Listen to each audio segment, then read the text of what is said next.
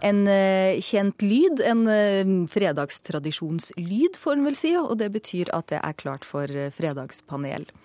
Og dagens diskusjonsviljegjeng den består av fra venstre flanke her Anders T. Andersen, skuespiller, regissør og forfatter. På midten sitter Audun Molde, musikkviter og førstelektor ved NIS og BI. Og så har vi Inger Merete Hobbelstad, filmkritiker i Dagbladet. Velkommen alle sammen. Takk, takk. Takk, takk. Ja, Hvordan kjennes det? Er dere klare for å være litt uenige? Yeah. Ja, ja, ja, det går fint. Jeg har ikke vært uenig med noen i hele dag, så det er, jeg begynner å føle en litt sånn kløe. Det er vel på tide nå. Da er det på tide. Da begynner vi, dere. For eh, Vi begynner med Vanessa Bairds verk i Helsedepartementet. For eh, dette bildet det blir eh, trolig fjernet etter hvert, fordi ansatte mener det gir dem assosiasjoner til 22.07. Mitt spørsmål er da, skal man ta hensyn til om ansatte i offentlige bygg ikke liker kunsten som henges opp? Anders? Nei. Audun? Nei. Og Inger Merete? Nei. Nei? Er dere plutselig nei-enige, da? Ja, hvorfor skal man ikke det, da? Anders? Eh, Nei, altså, nei dette, denne Vanessa Baird-saken er jo unektelig litt spesiell. Eller vil si kanskje mer enn Vanessa Baird er spesiell, så er vel eh, 22. juli spesielt. Eh, Men altså eh, generelt så syns jeg absolutt ikke man skal det. Eh, For eh, altså meningspolitiet rundt omkring, det er et spørsmål om vi hadde hatt noe eh, Picasso f.eks. på regjeringsbygget hvis eh, det, vet vi jo ikke, men, men sannsynligheten for at vi ikke hadde hatt det, kanskje større enn at vi eh, har det. Eh, Hva gjelder den, Det som er pikant i den der eh, Vanessa Baird-saken, er jo at ikke dette her blir tatt opp på forhånd. At det er nå, når hun er ferdig med verkene, eh, at eh, det så skal plukkes ned, det er jo en form for ettersensur som er eh, Og så opplever jeg det som veldig hårsårt. da. Det er noen kaniner og noen flagrende papirer og Vanessa Baird med veldig lange hengepupper.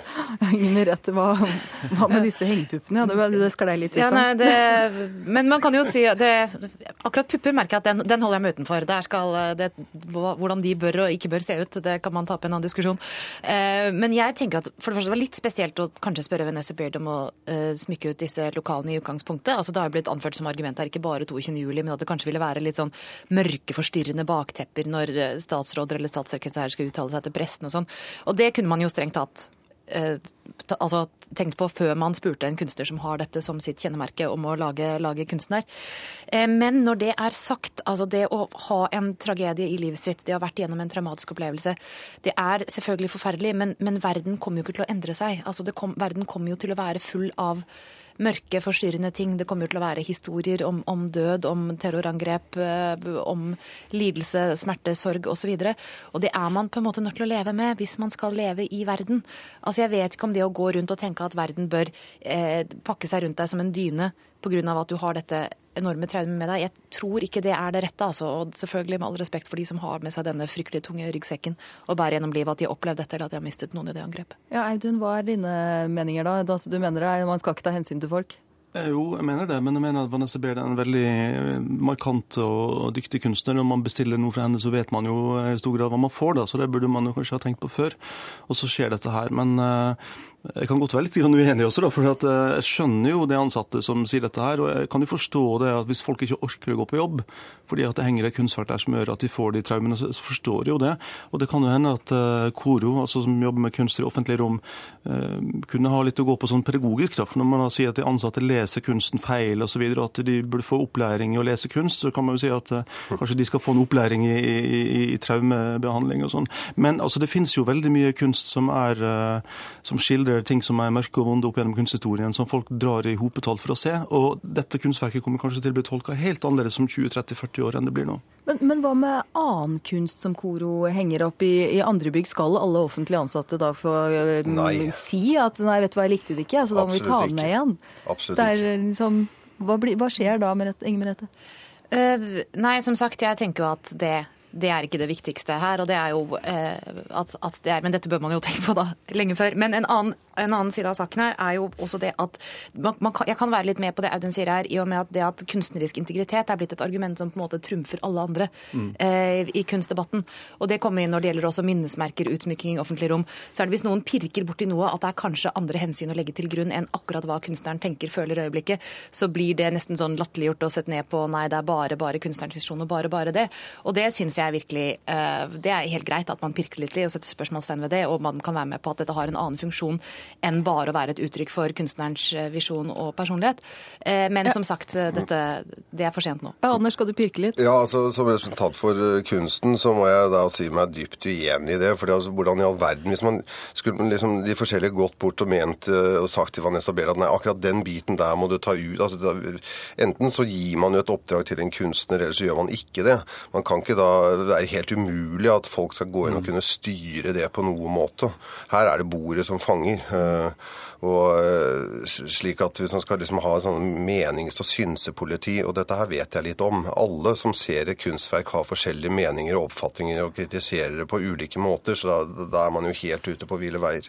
Men, det kanskje sett, sett, utenfra, så, sett utenfra så kan det være litt forklaringsproblem. For når f.eks. Håkon Bleken sier i Klassekampen at eh, det blir feil at det er en, eh, et, et, et overgrep, altså Utøya skal medføre et annet overgrep, altså at ikke den kunsten blir hengt opp, det syns jeg er helt smakløst å si. Altså det, det låter bare helt feil å snakke på den måten. Ja, det Så det, det er jo på en måte hvordan vi snakker om kunst. da. Er kunsten så hellig at den er viktigere enn menneskene som skal oppleve den? Det er, en stor, det er et stort dilemma. Da tror jeg vi stopper med praten om Vanessa Baird, og så går vi heller over til eh, noe litt annet. Det handler om kunst fremdeles, egentlig i hvert fall. For Christian Meisingseth, redaktøren i Minerva, han mener kultur, kulturkronene, det var vanskelig ord, kulturkronene har blitt eh, spredt for bredt, og at det gjør eh, kulturtilbudene muligens dårligere. Og så etterlyser han en egen kunstpolitikk, og spørsmålet mitt er trenger vi en egen kunstpolitikk, Audun? Ja. Anders? Ja. Og Inger Merete? Ja. Hvorfor har dere endra ideer om dette her underveis? Vi er så uenige. Hva skal man bruke den kunstpolitikken til, Audun? Vi trenger jo kunstpolitikk og vi trenger kulturpolitikk og hva det var du vil. Altså, jeg er ikke enig i alt Meisenseth skriver i sin artikkel, bare for å si det, men nå har jo eh, kulturmillionene blitt, og milliardene blitt smurt jevnt utover ut fra parolen 'alle skal med', og det er veldig bra. Og kulturløftet vi har fått er fantastisk. Men det blir jo smurt utover hvor det budsjettet og pengesummen i seg selv blir poenget. Og det er kanskje greit at vi nå også kan begynne å snakke om hva vi bruker de pengene til, og snakke om kvalitetsbegrepet i kunsten, og at vi får det i tillegg. Men jeg vil ikke sette det ene opp mot det andre. F.eks. bredde mot, mot eh, elite. Vi trenger selvfølgelig begge deler. Så jeg, jeg er ikke så interessert i en sånn polarisering av den debatten. Men jeg syns at de innspillene som man kommer med, er absolutt eh, et vepsebol som er verdt å stikke hånda inn i. Ja, Inger Merete Vepsebordet, Altså, har du dette- tenkt å stikke hånda inn der? Eh, Pirke litt i det kanskje igjen. Det er noe med denne pirkingen som, eh, som jeg har sans for. Eh, nei, men det, er, det kommer jo litt an på hva man legger eh, i ordet, ordet bredde. Jeg tror nok han har helt rett i at det er en tendens i norsk kulturdebatt til å f.eks. snakke mer om hvem som lager kunsten enn hvor god den faktisk er.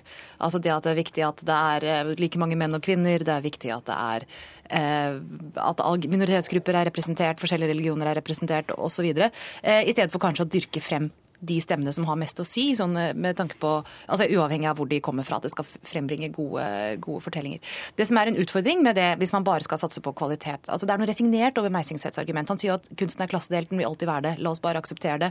Det tror jeg ikke noe på. Jeg, det, jeg tror det er mulig å åpne, det er mulig å formidle, det er mulig å bringe folk inn i teateret, i operaen.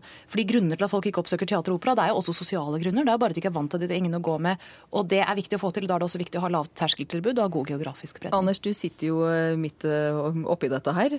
ja. Ja. Dessverre, eller heldigvis. jo da, nei, altså jeg er enig i at man burde i mye større grad skille mellom uh, Altså Hvorfor skal alt på død og liv være kultur? Det, er, det fatter ikke jeg. altså. Når en påtroppende kulturminister blir spurt om hun er interessert i kultur, så svarer hun at jo da, hun går på noen kunstutstillinger og på noen konserter, og så går hun tur. Hvis du hadde sagt det Hvis en påtroppende fransk kulturminister f.eks., det tror jeg hadde blitt litt sånn stor ståhei rundt, kanskje, og stor ståhei om ingenting, men dog. eh, Kan man ikke si at sport er sport, da, f.eks.? ja, men trenger vi ikke eh, kulturkronene ut Jo, jo, til men, men er det noen motsetning? da? Er det noen motsetning mellom å definere amatørkultur som amatørkultur, sport som sport og kunst som kunst? Ja, men Har det vært for bredt? Er dere enig i det? Ja, altså, her jeg, jeg, jeg må bare si, Ja, må si en si. ting til. fordi at eh, I de retningslinjene som vi får institusjonsteaterne for eksempel, fra departementet, så står det altså en, en sånn lang sånn smørbrødriste annet hvor det flerkulturelle og liksom det skal eh, også dekkes. og det er klart at Det er kan, kanskje litt problematisk for det teater som f.eks. Sogn og Fjordane Teater i Førde. Der er det én flerkulturell eh, på hvert nes. Audun. Et eksempel på hvordan disse kulturkronene brukes. Da 1,2 milliarder av kulturbudsjettet nå går til den såkalte momskompensasjonsordningen. Altså Man betaler moms på varer og tjenester, og så får, kan man søke refusjon. Og så så jeg i dag at eh, av de 30 organisasjonene som får mest ut av den, så er to av de innenfor kulturen. Resten er da idrett og, og eh, folk som går tur, og frivillig arbeid. Og det er jo kjempefint, det. Det men har ingen- støtte, vi må betale ja, men det er ingenting med kulturpolitikk å gjøre. Ja, kanskje Men, men hvordan er det med kvoteringen det- de som går tur? Hvordan er det i forhold til menn og kvinner? Gjenspeiles det flerkulturelle? De ja, det som må går alle skal med. Alle skal med. Og det må vi gjøre noe med. Ja, alle skal med, og alle skal med inn i eh, popmusikken nå. Her får du kanskje til og med snakke om litt eh, pupper, Anders, hvis det er eh, noe du trenger. For Miley Cyrus hun gikk fra å være Disney-barnestjerne til å bli sexy syngedame sånn mer eller mindre over natta, og det ble det skrevet mye om. Og da lurer jeg på, er det å være lettkledd og eh, utfordrende, liksom, er det oppskriften på å bli superstjerne, Inger Mariette? Nei, det er det ikke. Audun? Nei. Og Anders? Ja. Å, hurra! Hvorfor er det det da, Anders? Nei, det er bare å se på, det er, det er mange eksempler på dette. Hvis du, hvis du tar eh, Aylar for eksempel, da, hun gikk jo fra å være pornostjerne til å bli barnefilmskuespillerinne. Så det er mange gode eksempler her på at dette her er en, en god vei å gå. Så min oppfordring til alle norske talenter, kle av dere eh, og kom dere ut i popbransjen, eh, skuespillerbransjen. Det, det, det tjener seg. Betaler seg. Altså det, nå er jeg jo innenfor min bransje her, og det er jo en fryktelig. Altså, jeg var på Nationaltheatret, så en fantastisk forestilling i fjor. En av skuespillerne gikk nakne sortet hele tiden, satt på første rad. Det var litt rart etter hvert. Men, eh, men eh, det er klart at eh, hvis vi tar musikkvideoen da, som et eksempel, så er jo det delvis pornography, fordi at da får du mange klikk og masse oppmerksomhet. Og så er det delvis promotion, for du skal brande en artist. Og så er det det som vi alle skulle ønske at det var, nemlig poetry. Og det er vanskelig å, å kombinere de tre. Og, og det som Miley Cyrus gjør, er veldig bra for kjendisstatus og omtale, og at vi snakker om det i Fredagspanelet og sånn, men det, er, det har ikke noe med å bli superstjerne og bygge en ordentlig karriere å gjøre. Inger Så er det ikke alltid det fungerer sånn heller. Jeg, som teateranmelder så er jeg jo blant å se på teateroppsetningene til frigruppen Grusomhetens teater. Når leser, Der er det mye nakne mennesker på Der blir det alltid noen nakne på scenen. Ja, de spiller alltid teateret sitt i sånn utrolig kaldt kjellerlokale på Ja, det er jo grusomhetens teater. Og det er mye blod. ja, ja. Og jeg hadde alltid tenkt at Hadde jeg vært mannlig skuespiller som skulle spille på den scenen så tror jeg kanskje jeg hadde bedt dem skru opp temperaturen litt, men det gjør vel alt for kunsten. Kanskje Miley Cyrus skulle få en Eh, gjesterolle på Grusomheten? Ja. Nei, men det er Jo, nok av jo, det eksempler. er- jeg skulle til å si det, det er jo eksempler på at uh, man har klart det rimelig bra ved å eh, ja, være rimelig sexy på scenen. Ja, ja, men det er også masse eksempler på at folk slår gjennom uten å gjøre det. Altså, du kan jo se på Taylor Swift, som er en av de mestselgende artistene nå, og har gjort det uten å vise så mye som en liten kløft. eh, Ja. vel, en gang. Hun Altså, har gjort det med å utlevere ekskjæresten sine, så det blir noe annet. Men det er uansett Altså, jeg tror jo ikke Miley har helt uh, styring her. Nå har det alltid vært en nær forbindelse mellom sex og popmusikk, og det er ikke så rart, og det skal det få lov å være. Og popstjerner har litt som jobb å utfordre dette.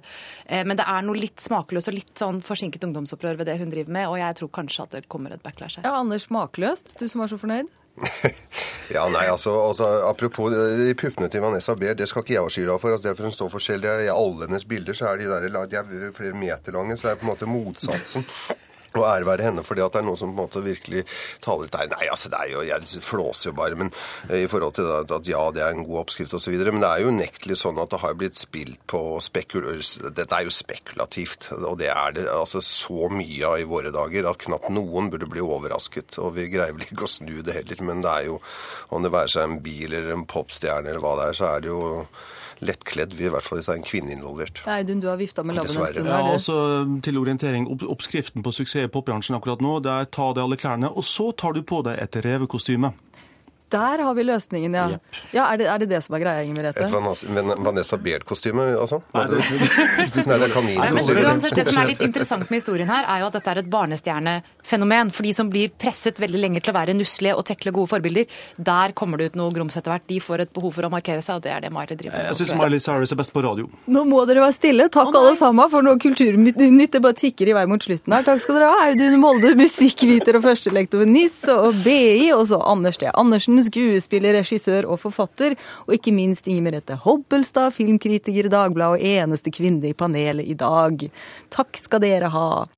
Hør flere podkaster på nrk.no podkast.